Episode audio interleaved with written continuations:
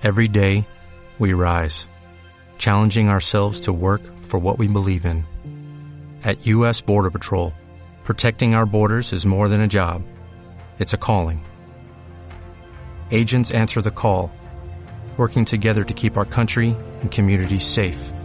If you're ready for a new mission, join U.S. Border Patrol and go beyond. Learn more at cbp.gov/careers. Noticiesdelta.cat, el butlletí informatiu de Ràdio Delta, amb tota l'actualitat de Deltebre.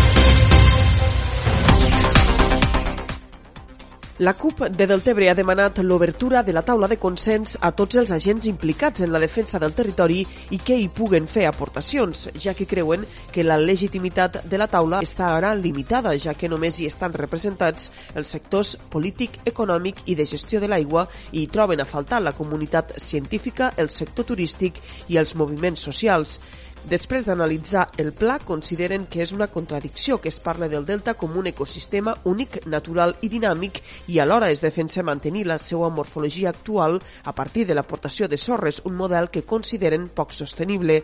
La CUP creu que s'hauria d'apostar per la compra dels terrenys pròxims al mar per convertir-los en una franja de protecció litoral i per fer una aposta clara per l'aportació d'aigua i sediments.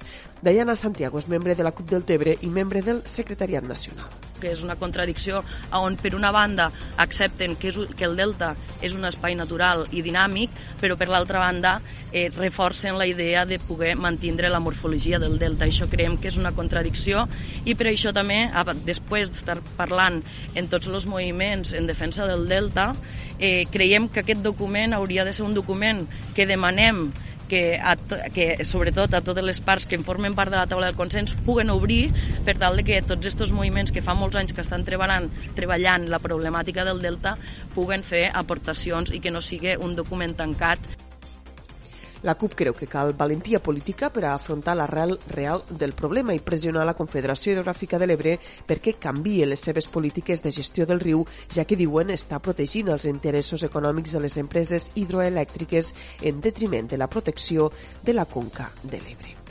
Un apunt més, avui es reuneix al Departament d'Agricultura la taula de valoració del temporal Glòria a les Terres de l'Ebre.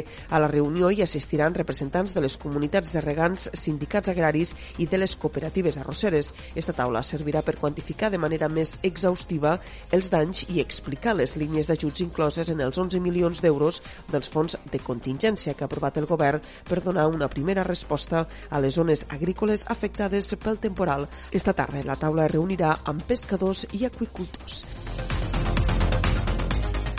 Canviem ara d'arguments el passat divendres es va constituir a l'Ajuntament de Deltebre la Comissió de Salubritat del Copate per al seguiment de la lluita contra el mosquit al Delta de l'Ebre, en la qual hi són representats els set ajuntaments del Delta.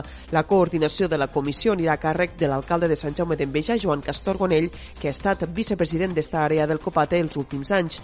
L'objectiu en este nou mandat és que els ajuntaments tinguin un paper més actiu en la coordinació de la lluita contra el mosquit. Així ho ha explicat Joan Alginet, president del Copate. Que, que els municipis en primer lloc tinguin tota la informació que tinguin tota la, tot l'assessorament tècnic i que, la, i que al mateix temps pues, bueno, ho poguessin fer de forma, de forma periòdica.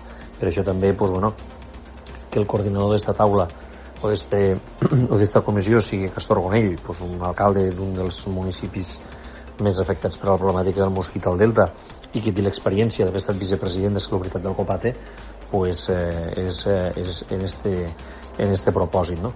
aproximar la presa de decisions eh, pel que fa a la lluita contra el mosquit als municipis eh, implicats i afectats i coordinar i millorar pues, la comunicació entre el COPAT i els municipis.